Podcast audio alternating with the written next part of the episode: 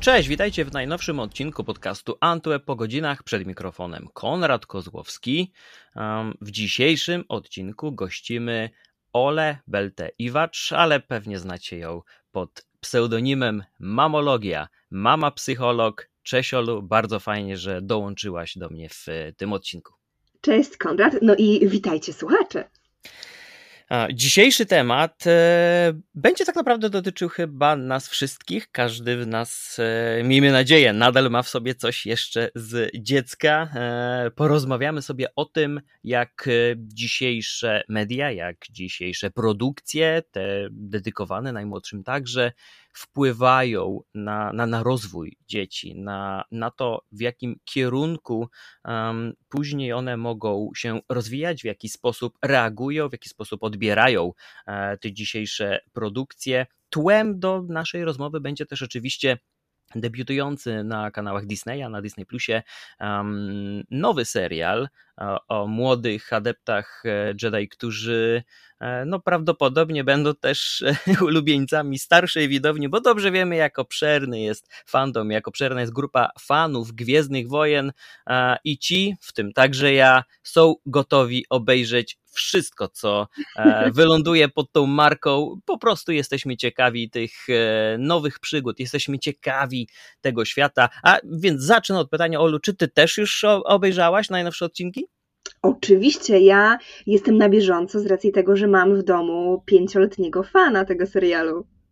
I jak reaguje, powiedz, jeżeli możesz się tym podzielić? Jasne. Franek jest zafascynowany, dlatego że wcześniej mm, bardzo lubił Gwiezdne Wojny, choć ich wcale nie znał, natomiast przynosił z przedszkola gdzieś te postacie, widział logo na ubraniach, więc zawsze chciał mieć wszystko z Gwiezdnych Wojen.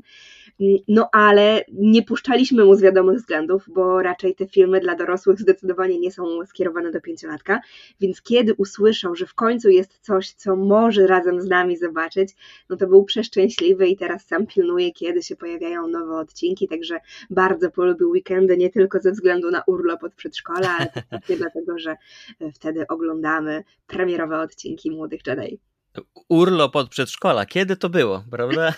Dzisiaj mamy zupełnie inne y, zmartwienia, ale bardzo się cieszę, że wspomniałaś o tym, jak już otaczała go cała ta aura y, Gwiezdnych Wojen, ale że jeszcze nie był gotowy na to, by zobaczyć te poważniejsze produkcje. Oczywiście ja jako wielki fan żyję zapowiedziami drugiego sezonu Andora. Nie mogę się doczekać tego mrocznego, dorosłego, dojrzałego tytułu, ale dobrze wiemy, że mm, te powstające z myślą o najmłodszych seriale i filmy, e, no też trudno je tak naprawdę wrzucić do, do, do jednej szuflady, do jednego worka rozstrzał pomiędzy tym, w jaki sposób są konstruowane, jak przedstawiane są pewne problemy, w jaki sposób rozwiązywane są także też te problemy. Tutaj nawiązuje oczywiście do sporej ilości przemocy w niemałej liczbie produkcji, o tym też się często mówi.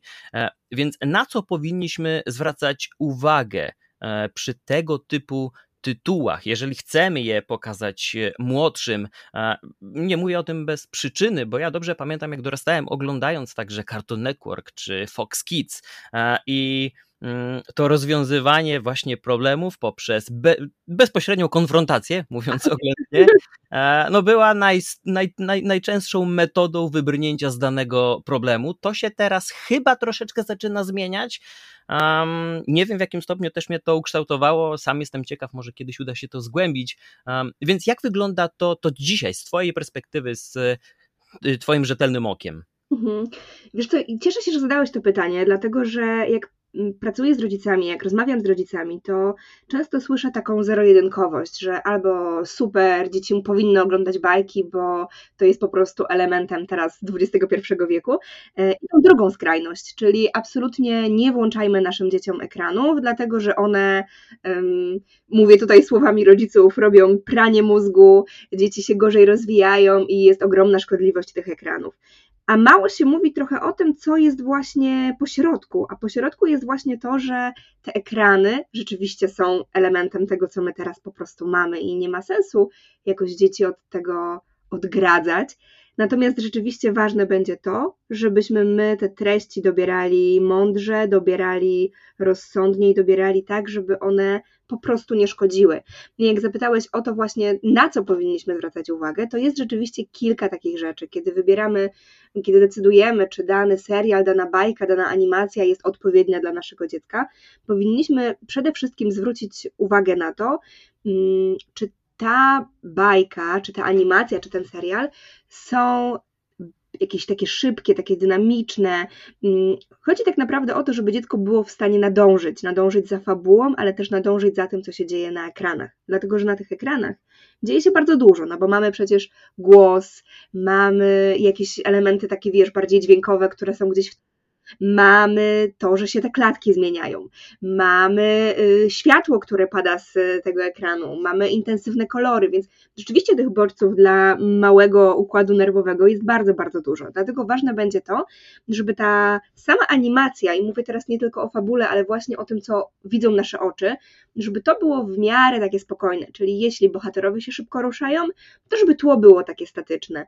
Jeśli jest jakiś taki, wiesz, pokazany pęd świata i szybko zmieniają klatki, to niech chociaż bohaterowie w tym wszystkim będą powtarzalni i ci sami. I to jest właśnie fajne w serialu, o którym wspomniałeś, czyli o Młodych Jedi, że tam tak naprawdę mamy stałych bohaterów, którzy się powtarzają w każdym odcinku i nawet jeśli zdarzają się jakieś szybkie, wartkie akcje, to one są krótkim fragmentem tego serialu. Mhm.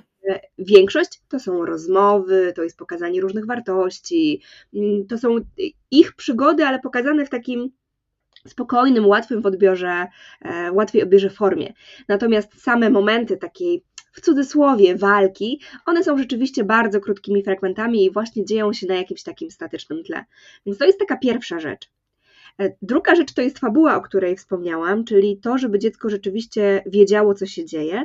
I tutaj jest trochę zadanie rodzica, żeby to sprawdzać, dlatego że no to nie jest tak, że możemy ocenić jakoś z góry, ta fabuła jest dla mojego dziecka ok i wszystkie dzieci będą e, rozumieć, nadążać za tym samym. No bo dzieci są po prostu różne. Wszyscy rodzice zawsze powtarzają, że ich dziecko jest jedyne i wyjątkowe i tak na pewno jest.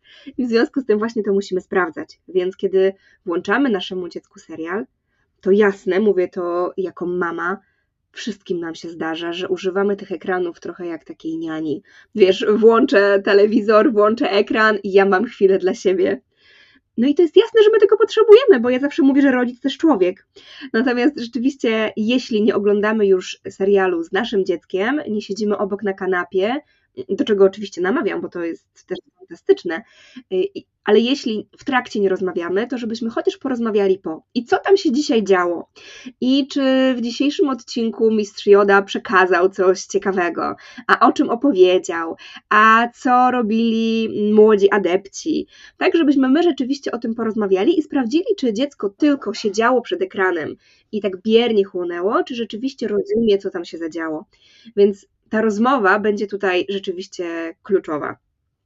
A jestem jeszcze ciekaw e, i myślę, że to będzie też dobry moment, żeby wypłynąć na szersze wody i w ogóle spróbować um, odnaleźć się w tym dzisiejszym, nowoczesnym, niezwykle szybkim uh, i aktywnym świecie, w którym, szczerze mówiąc, czasem chyba nawet dorośli już nie nadążają. Uh, nie są w stanie mm, w tak w tak szybkim tempie e, reagować na wszystko, co się wokół dzieje. Oczywiście w centrum tego wszystkiego jest czy smartfon, czy, czy, czy komputer, zalew informacji, powiadomień. E, no i w ten świat wchodzą też najmłodsi. Oczywiście bardzo duża część e, rodziców dosyć skrupulatnie podchodzi do tego, jak skonfigurowane, jak przygotowane są urządzenia, z których korzystają ich dzieci i nie będą tam na nich czekać setki powiadomień ani miliony aplikacji aplikacji pobranych, już gotowych, że dziecko nie może się zdecydować. E, więc jak tutaj znaleźć ten odpowiedni balans? Kiedy najlepiej mm, wprowadzić nowe urządzenie, e, w jaki sposób je przedstawić, w jaki sposób można to wytłumaczyć. Jakie mogą być też te negatywne lub pozytywne skutki udostępnienia nowoczesnych sprzętów e, dzieciom? Bo dobrze wiemy, że bardzo często wiele osób widząc dziecko, czy to w kawiarni, czy w jakichkolwiek innych okolicznościach e, razem z rodzicami, ale wpatrzone w smartfona, nie uczestniczące w żaden sposób w rozmowie, w spotkaniu, w zabawach, od razu generuje negatywne emocje, a z drugiej strony mm, może to też jest jeszcze jakiś sposób, żeby, żeby dać mu możliwość zbudowania własnego czy, czy dystansu, czy sposobu na to, by e, w tę społeczność dookoła e, no, wkroczyć na swoich zasadach, jeśli można tak powiedzieć. Wiesz co? Mamy pewne zalecenia, które są tworzone przez Amerykańską Akademię Pediatryczną i WHO, i one mówią, że przed 18 miesiącem życia dzieci zupełnie nie powinny mieć kontaktów z ekranami, chyba że mówimy o wideo rozmowach, tak? Dziadkowie mieszkają gdzieś daleko, e, tata czy mama pracują gdzieś e, za granicą na drugim końcu Polski. Te wideo rozmowy są ok, natomiast nic poza tym. Między drugim a piątym rokiem życia mówimy, że to jest maksymalnie godzina. Dla dalszego wieku nie mamy takich zaleceń, ale też ta, ta godzina wydaje się być taka optymalna. Natomiast to, co jest ważne, to że taki jednorazowy kontakt z ekranem nie powinien przekraczać 20 mniej więcej minut, dlatego że też ta dziecięca koncentracja, szczególnie u tych młodszych, no dzieci po prostu nie są skoncentrować się na dłuższy okres czasu. Jeszcze ta uwaga jest taka, która dopiero się kształtuje, ona często jeszcze jest taka mimowolna, czyli tą uwagę przykuwa, wiesz, latający motylek, który gdzieś przelatuje ekranem. Więc jeśli ja wspomniałam wcześniej o tym, że dziecko ma nadążać za fabułą, no to jeśli ten czas 20 minut przekraczamy, to może mu być po prostu trudno już to ogarnąć. Dlatego też ja bardzo lubię te e, odcinki o przygodach młodych Jedi, dlatego że one rzeczywiście trwają jakieś 20-25 minut, więc nawet jeśli myślimy o godzinie, to możemy sobie zobaczyć rano jeden odcinek, a po południu drugi. A ponieważ nikt z nas nie lubi, niezależnie od tego, ile ma lat, kiedy mu się przerywa w połowie odcinka, prawda? Więc to jest fajne, że rzeczywiście zobaczymy do końca i potem sobie zrobimy przerwę. To jest też takie dużo łatwiejsze dla dziecka. Więc powinniśmy rzeczywiście pilnować sobie właśnie tych zaleceń, żeby to korzystanie z ekranu było po prostu bezpieczne. Natomiast odpowiadając na drugą część Twojego pytania, czyli właśnie kiedy wprowadzać te urządzenia i jak to robić, to jest rzeczywiście trudne. Ja zdecydowanie jestem. Yy, fanką i bardzo tutaj jakoś tak e, proponuję zawsze rodzicom, żeby zaczynać rzeczywiście od telewizora, czyli od dużego ekranu.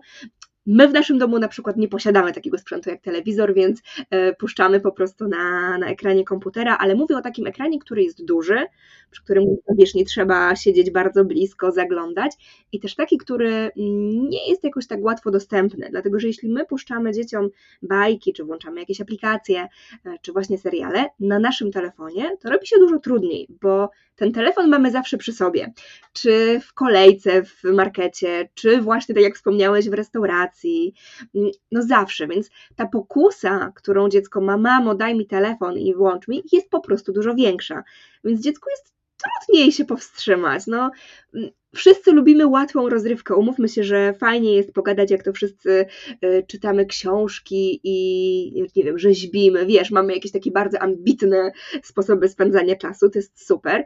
Natomiast umówmy się, że każdy z nas czasami potrzebuje takiej zwykłej łatwości, poskroluje Instagrama, TikToka, e, puszczę sobie serial, który być może nie jest jakimś historycznym dokumentem, ale właśnie czymś, co po prostu stanowi rozrywkę. I dzieci też tego potrzebują, więc będą to chłonąć i będą do tego dążyć. I kiedy mamy ten telefon, to jest ta pokusa po prostu dużo większa, więc mm, zachęcam do tego, żeby te telefony czy tablety, takie urządzenia bardziej przenośne, włączać dopiero, kiedy rzeczywiście widzimy, że dziecko już ma taką mm, taką, jak to mówimy w psychologii, dobrą relację z tymi ekranami, czyli rzeczywiście ma jakieś zasady ekranowe, których potrafi przestrzegać. I kiedy widzimy, że tak jest, możemy zastanowić się nad wprowadzaniem kolejnego urządzenia. Natomiast tutaj znów bardzo zachęcam do tego, żeby mm, nie dawać dzieciom na takiej zasadzie, że to jest Twój telefon, to jest Twój tablet, Ty jesteś jego właścicielem, dlatego że jednocześnie chcemy uczyć, że ma prawo decydować o swojej własności, czy to jest zabawka, czy to właśnie jest ekran, który dostał. Dlatego o wiele lepiej, kiedy to my jesteśmy właścicielami i pożyczamy dziecku, czy też w przypadku starszych dzieci, już takich szkolnych, yy, możemy po prostu podpisać taką domową umowę o wynajem, tak, że ja jestem właścicielem, ale udostępniam Ci, wynajmuję Ci ten telefon na pewnych zasadach, które tutaj sobie w umowie zawrzemy. Przecież dokładnie to samo dzieje się w życiu dorosłym My też podpisujemy umowy na pewnych warunkach e, i kiedy ich nie spełniamy, no to taką umowę można zerwać. Więc to jest też takie fajne przygotowanie w ogóle do życia. Ale muszę jeszcze wspomnieć e, w nawiązaniu do tego, że powiedziałeś, że kiedy widzimy właśnie dziecko w restauracji z jakimś ekranem, to tak jakoś krzywo patrzymy. E, I ja też byłam takim rodzicem i jak jeszcze nie byłam mamą i widziałam takie sytuacje, to myślałam, nie, moje dziecko nigdy w życiu nie będzie w restauracji siedzieć z telefonem. Cały czas to powtarzam. Nigdy. E, I rzeczywiście bardzo długo tak było. Natomiast dosłownie wczoraj wróciliśmy z wakacji i na tych wakacjach mój syn pierwszy raz e, w restauracji dostał telefon mój do ręki, dlatego że to były wakacje i ja też bardzo chciałam po prostu porozmawiać sobie z moim mężem y, na takie dorosłe tematy. I ten czas ekranowy, który właśnie zazwyczaj był gdzieś tam w domu, po prostu wykorzystaliśmy w restauracji.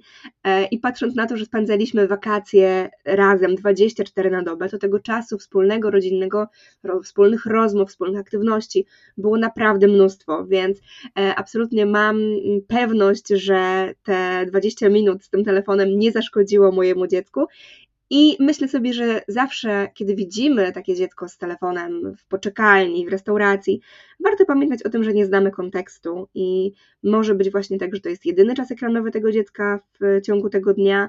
Może być też tak, że ten rodzic już jest tak wykończony, że o wiele lepiej będzie, jeśli to dziecko skorzysta z tego ekranu, a rodzic sobie chwilę odpocznie, nabierze takiego dystansu, oddechu i będzie mógł z większą energią, z większą siłą i cierpliwością wrócić później do swojego dziecka i właśnie z nim rozmawiać. I myślę, że to też e, jest e, tak naprawdę dwutorowe podejście, bo gdy patrzymy na to wszystko właśnie z zewnątrz, to bardzo szybko będziemy do konkluzji, e, bardzo szybko oceniamy, ale gdy znajdziemy się po drugiej stronie barykady, okazuje się, że e, nasze podejście jest e, zupełnie, zupełnie inne. Dlatego muszę zadać to pytanie, bo um, obserwuję oczywiście, też trochę z powodu tego, czym zajmuję się na co dzień. Obcuję z tą technologią, testuję kolejne urządzenia, przyglądam się temu, jak e, też najwięksi giganci, czy to technologiczni, czy w tej kategorii kultury,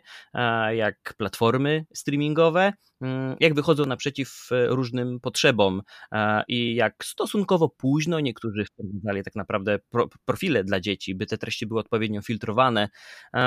Ale chyba najbardziej ciekawi mnie aspekt tego, w jaki sposób e, nie zaszkodzić własnemu dziecku, a, a, ale dać mu też szansę może nie tyle zaistnienia, co odnalezienia się wśród e, rówieśników, bo dobrze wiemy, że wszyscy wokół, e, mówię tutaj o rodzicach, mogą mieć zupełnie inne podejście, mogą te granice wytyczać e, na, na różne sposoby. I oczywiście nikt by nie chciał, by, by najmłodszy miał jakiekolwiek problemy wynikające z tego, jakie my decyzje podejmujemy. E, więc gdy my na przykład ograniczymy ten czas ekranowy do maksymalnie, dajmy na to, godziny dziennie i w tym czasie e, dziecko będzie mogło pozostać w kontakcie, czy to po prostu przez komunikator, czy w grze, czy wspólnie oglądając z innymi mm, bajki, E, to może się okazać, że kilka osób dookoła będzie mogło spędzić dwie albo trzy godziny, czasem może nawet bez limitu. E, no i oczywiście wtedy tych e, przyczynków do mm, dyskusji, czy w przedszkolu, czy czasem też w szkole w przypadku starszych dzieci, może być więcej, no i niestety ktoś może zacząć odstawać. W jaki sposób tutaj możemy się odnaleźć? E, gdzie tutaj szukać rozwiązań, jakiejś, jakiejś dobrej ścieżki? Mhm. To ja zacznę od tych najmłodszych, czyli od tych dzieci przedszkolnych, bo tu rzeczywiście jest tak, że no, rodzice mają bardzo różne mm, podejście i są rodzice, którzy zupełnie na tym etapie przedszkolnym ograniczają ekrany, są tacy, którzy bardzo uważnie dobierają treści, z którymi kontakt mają ich dzieci, no i są tacy rodzice, którzy po prostu pozwalają oglądać to, na co dziecko ma akurat ochotę, czy też dzieci mają starsze rodzeństwo, które już ogląda bardziej dorosłe produkcje, no i nikt nie zamyka wtedy oczu tym młodszym, więc siłą rzeczy ci młodsi gdzieś tam temu rodzeństwu przez ramię zaglądają i mają kontakt z tymi treściami niedostosowanymi jeszcze do ich wieku. To, co jest ważne, to to, że na tym etapie przedszkolnym dzieci przede wszystkim potrzebują wiedzieć, czyli nie potrzebują oglądać, nie potrzebują widzieć, potrzebują znać bohaterów i potrzebują znać historię. Tak jak ja wspomniałam na samym początku, że mój syn, mimo że nigdy nie widział wcześniej przed y, przygodami Młodych Jedi Gwiezdnych Wojen, mm, był na bieżąco i znał postacie. Dlatego, że Gdzieś o nich rozmawialiśmy, e, ponieważ mój mąż jest fanem Gwiezdnych Wojen, to był w stanie opowiedzieć wiele, wiele historii, wiele ciekawostek. Kupowaliśmy różne książki, komiksy, kolorowanki, jakieś labirynty z tymi postaciami. Więc on wiedział, co z czym się je, był w stanie wymienić postacie i był w stanie o tym sobie porozmawiać w przedszkolu.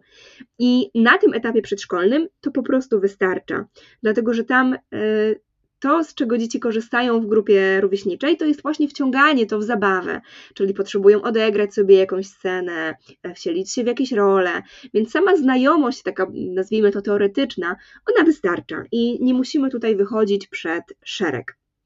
Jasne, że dzieci, które miały tych zasad ekranowych mniej, będą bardziej ciągnęły, że one muszą zobaczyć. Natomiast wtedy właśnie pilnujemy sobie tych zasad, o których wspomniałam wcześniej, czyli żeby była rozmowa przed i po, żeby był ten ograniczony czas, żeby między tymi ekranami były też jakieś takie interakcje społeczne, zabawy, właśnie, że nawet my. Mm, odegramy figurkami to, co wcześniej dziecko zobaczyło w ekranie, żeby to było po prostu bezpieczne.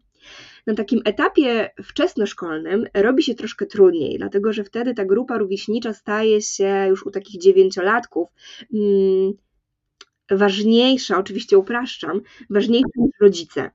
E, to znaczy, że rzeczywiście my gdzieś spadamy z takiego piedestału, no i to, co mówią rówieśnicy, staje się jakimś takim priorytetem, więc na tym etapie przedszkolnym te nasze domowe zasady ekranowe super i one się będą sprawdzać. O tyle już na tym etapie takim szkolnym, no robi się odrobinę trudniej, e, bo jeśli moja koleżanka, mój kolega powiedzieli, że to trzeba zobaczyć, czy właśnie ja powinienem być na jakimś e, portalu społecznościowym, czy powinienem mieć jakiś komunikator, czy powinienem zagrać w jakąś grę, no to ja bardzo chcę w tym uczestniczyć. I tutaj rzeczywiście zachęcam do takiej dużej uważności, dlatego że mm, zasady ekranowe zasadami ekranowymi, natomiast jeśli wchodzimy w ten taki aspekt społeczny, to tak jak powiedziałeś, bardzo łatwo jest sprawić, że nasze dziecko będzie odrzucone, bo po prostu nie będzie uczestniczyć w tym, co się dzieje w klasie czy w szkole. I tu się robi dużo trudniej. Natomiast znów jest naszą rolą jako rodziców pokazać, że trochę my przewodzimy i o ile zdanie naszego dziecka jest bardzo ważne i bierzemy je pod uwagę, o tyle ostateczna decyzja należy do nas. I te zasady, które będziemy mieć, które gdzieś sobie spiszemy, które sobie podpiszemy, stworzymy jakiś domowy kontrakt, one zawsze na każdym etapie powinny być, natomiast powinniśmy do nich podchodzić elastycznie, czyli właśnie słuchając dziecka. Jeśli dziecko do nas przychodzi i mówi, że potrzebuje więcej tego czasu, to pytamy dlaczego, co tam robi, mm, do czego mu jest to po prostu potrzebne. I to bierzemy pod uwagę. Bo jeśli nasze dziecko wciąga się w jakąś grę, w którą właśnie grają rówieśnicy i widzimy, że rzeczywiście ta społeczność naszego dziecka tym żyje i zaprasza kolegów i potem oni sobie o tym rozmawiają, to znaczy, że to rzeczywiście jest ważne. Natomiast to, co wtedy możemy zrobić, żeby znów było bezpiecznie, to pozwolić dziecku wciągnąć nas w to. Czyli wiesz co, to ja z tobą dzisiaj bym chciał zagrać, mogę usiąść obok ciebie, mogę zobaczyć, jak to się robi, a możesz mnie tego nauczyć, żebyśmy my cały czas mieli taką mm, nie tyle kontrolę, co wiedzę o tym, co rzeczywiście robi nasze dziecko i z czym ma styczność. W takim momencie, w którym my też pokażemy dziecku, że nas to ciekawi, nas to interesuje, jemu będzie łatwiej słuchać też naszych wskazówek dotyczących tego bezpieczeństwa i tych zasad. Dlatego, że jeśli ja czuję jako dziecko, że moja mama kompletnie nie ma pojęcia o grze, w którą gram, a jednocześnie mówi mi: przestań grać, bo to szkodzi, nie powinieneś tyle czasu spędzać przed ekranami, to ja czuję, że jesteśmy z dwóch różnych światów i ona kompletnie nie wie, o czym mówi, bo ta gra jest po prostu fantastyczna, a ona mówi, że jest kiepska i nie powinienem przy tym siedzieć. Robi się konflikt, powstaje konflikt. Kiedy ta mama wie już o co tam chodzi i jest w stanie jakoś później mm, na przykład powiedzieć, ok, to koniec grania, teraz chodź ze mną lepić pierogi, ale przy tych pierogach zapyta, a jaki tam miałeś dzisiaj wynik, a co robiłeś, a e, czy zdobyłeś jakieś tam przedmioty w tej grze, to dziecko czuje, że to nie jest tak, że to się jakoś kończy i to jest jakiś taki czas, który trzeba wyrywać, ale to jest coś, co po prostu staje się elementem codzienności, więc robi się dużo łatwiej. Super.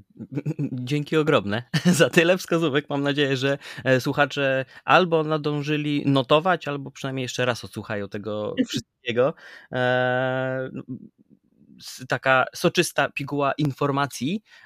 A chciałbym też poruszyć e, może bardziej ogólny temat, ale zapytać o, o Twoje spostrzeżenia, o Twoją perspektywę na to, szczególnie, że przecież, tak jak e, zaznaczyłaś na wstępie, masz już e, pięcioletnie doświadczenie bezpośrednie z tym świadkiem. E, mm, chciałbym zapytać o generalnie wpływ tych nowych technologii i tak dużej ilości treści, tak dużego wyboru, um, czy to formy obcowania z nią, tutaj mówimy oczywiście o konsolach, tabletach, smartfonach, mhm. telewizorach, platformach streamingowych, jest tego ogrom. E, no i mówimy też o samych treściach, bo gdy mówimy o oglądaniu, możemy oglądać Młodych Jedi, możemy oglądać inne animacje, ale przecież YouTube jest już kopalnią wiedzy, informacji, rozrywki um, dla widzów w każdym wieku, w tym tych najmłodszych.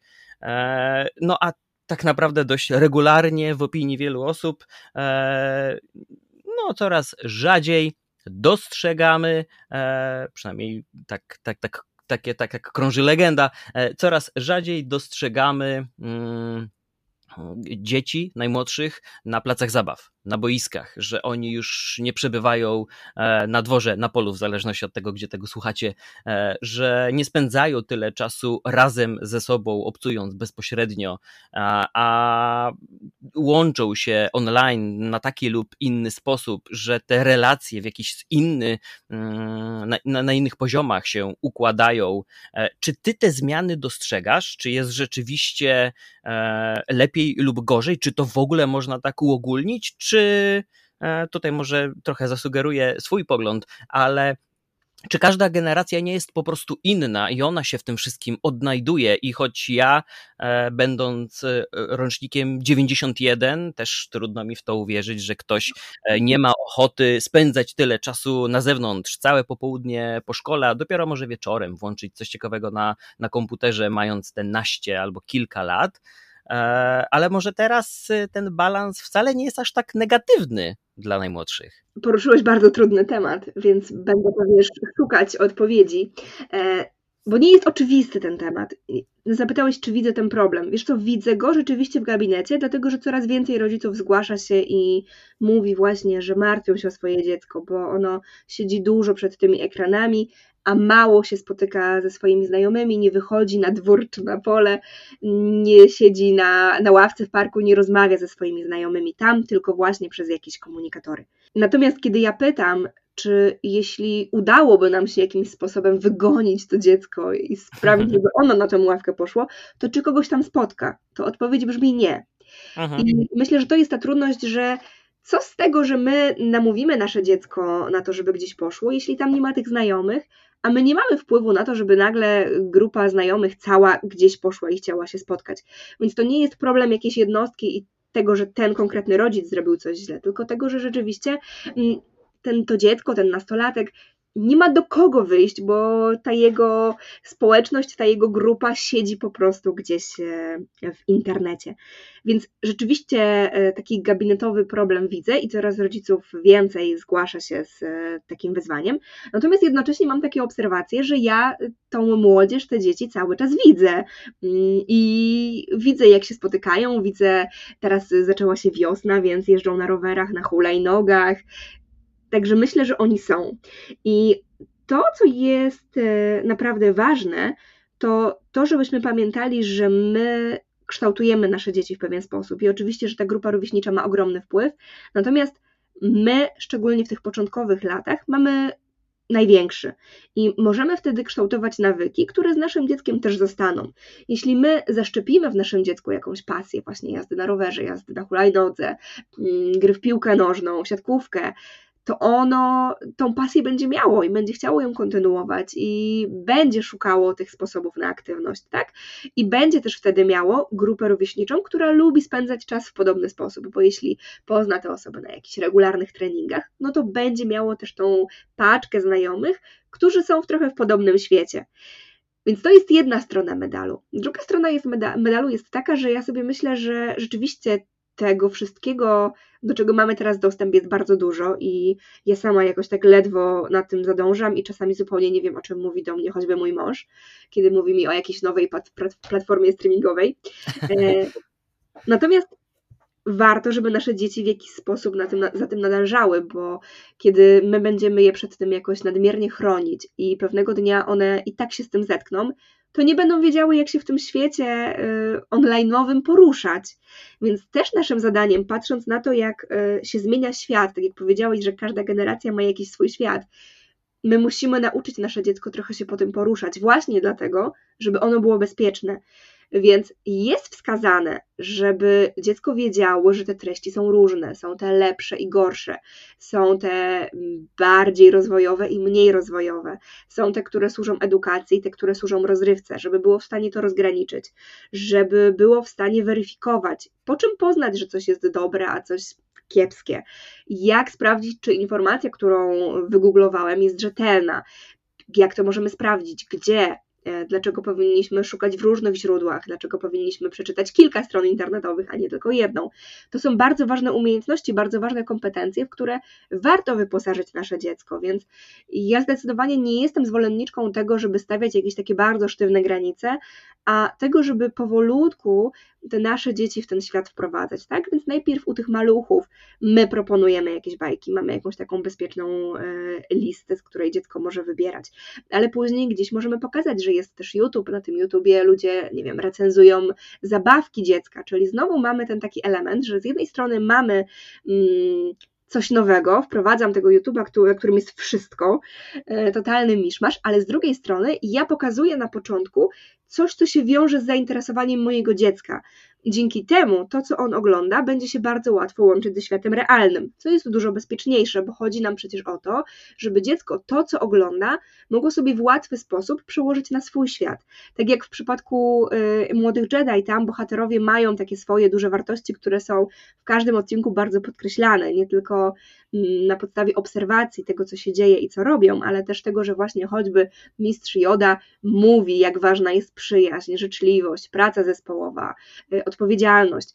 Dziecko to koduje i jest w stanie później, mm, kończąc oglądać y, ten serial, przenieść to i powiedzieć: To ja będę teraz y, adeptem szkoły Jedi i ja teraz włączam moc pracy zespołowej.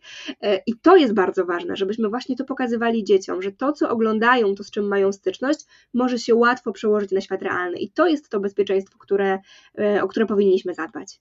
Mam nadzieję, że już zdążyłaś w międzyczasie wybrać swoją ulubioną postać, bo muszę na koniec zapytać, czy, czy, czy, czy w tym świecie, czy w tym uniwersum jesteś gotowa wskazać e, swojego ulubieńca? To jest chyba najczęściej zadawane pytanie wśród fanów, więc czuję się zobligowany. Tak, ja nie mam zupełnie problemu z odpowiedzią na to pytanie, dlatego że ja po prostu e, jestem e, fanką Jody, dlatego że po pierwsze uważam, że po prostu jest uroczy, jeśli na niego patrzę. To bardzo, bardzo taki miły obrazek. Po drugie, dlatego, że ja rzeczywiście no, w tym serialu, który oglądam z, z moim dzieckiem, dlatego że być może podpadnę, ale e, tych seriali, filmów dla dorosłych fanką nie jestem.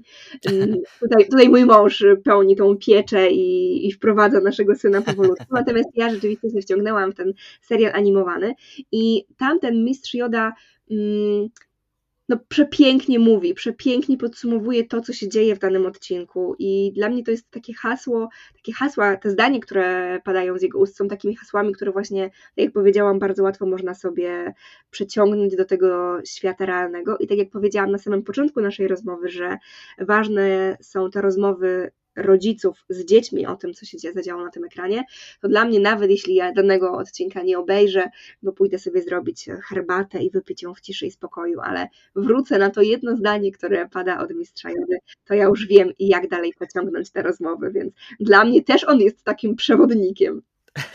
No to chyba ze względu na Twoją sympatię, a też i chyba mm, wszyscy równie ciekawi jesteśmy, kiedy, w jaki sposób i o czym e, przemówi Baby Yoda, czyli nasz ukochany Grogu, e, przedstawiciel tego samego gatunku, tej samej rasy e, w świecie Gwiezdnych Wojen, no, który oczywiście towarzyszy Mando na kolejnych etapach jego przygód. Olu, bardzo, bardzo serdecznie dziękuję Ci za tę rozmowę. cieszę się, że mogliśmy poruszyć tak ważny dzisiaj temat e, tego, jak my sami razem z naszymi dziećmi, z najmłodszymi, powinniśmy obcować z technologią, w jaki sposób dobierać treści, w jaki sposób odnaleźć się w tym wszystkim. Więc jeszcze raz bardzo, bardzo dziękuję Ci za, za obecność w podcaście, za poświęcony czas.